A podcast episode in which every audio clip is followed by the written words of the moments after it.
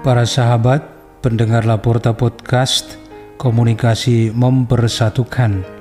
Salam jumpa di hari Kamis 2 April 2020. Orang-orang memiliki sebuah istilah saat ini yang ramai dipakai, yaitu work from home, WFH. Ini dilakukan oleh banyak orang. Apakah dia itu ibu rumah tangga, atau anak sekolah, mahasiswa, atau pengusaha, para guru, dan lain-lain. Bagi ibu rumah tangga, ini kesempatan istimewa karena banyak yang memberi kesaksian bahwa mereka bisa merasakan keluarga berkumpul semua di rumah.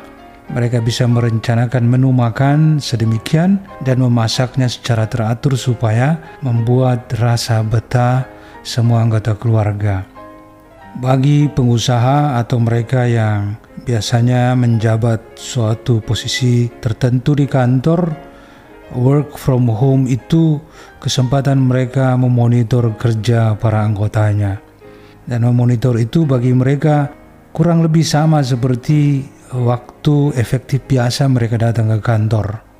Mungkin lebih sering adalah mereka menggunakan kuota internet yang banyak untuk bisa berkomunikasi. Bagi mahasiswa dan para siswa atau murid, kesempatan work from home ini adalah sekolah atau kuliah yang kurang lebih waktunya sama seperti mereka mengikuti pelajaran di sekolah seperti biasanya. Ada waktu-waktu yang sudah ditentukan untuk pertemuan online atau live dengan para guru, tetapi yang juga mereka rasakan pengaruhnya cukup besar adalah tentang mengerjakan PR yang banyak. Dan itu mereka tunjukkan dengan sungguh-sungguh karena hasil-hasil dari PR dan pekerjaan yang diberikan melalui kuliah atau sekolah online ini menjadi hasil ujian itu sendiri untuk sekolah atau studi mereka. Bagi para karyawan, work from home adalah kesempatan bekerja untuk memenuhi target-target yang sudah diberikan dan membutuhkan keuletan dan konsentrasi karena mereka dipantau dan diikuti oleh atasan-atasan mereka. Mereka yang biasanya harus bertemu dengan orang atau mengadakan kerjasama di luar rumah, work from home adalah sesuatu yang mungkin membosankan atau harus membutuhkan kreativitas. Masalahnya kreativitas tidak terlalu mudah untuk dilakukan.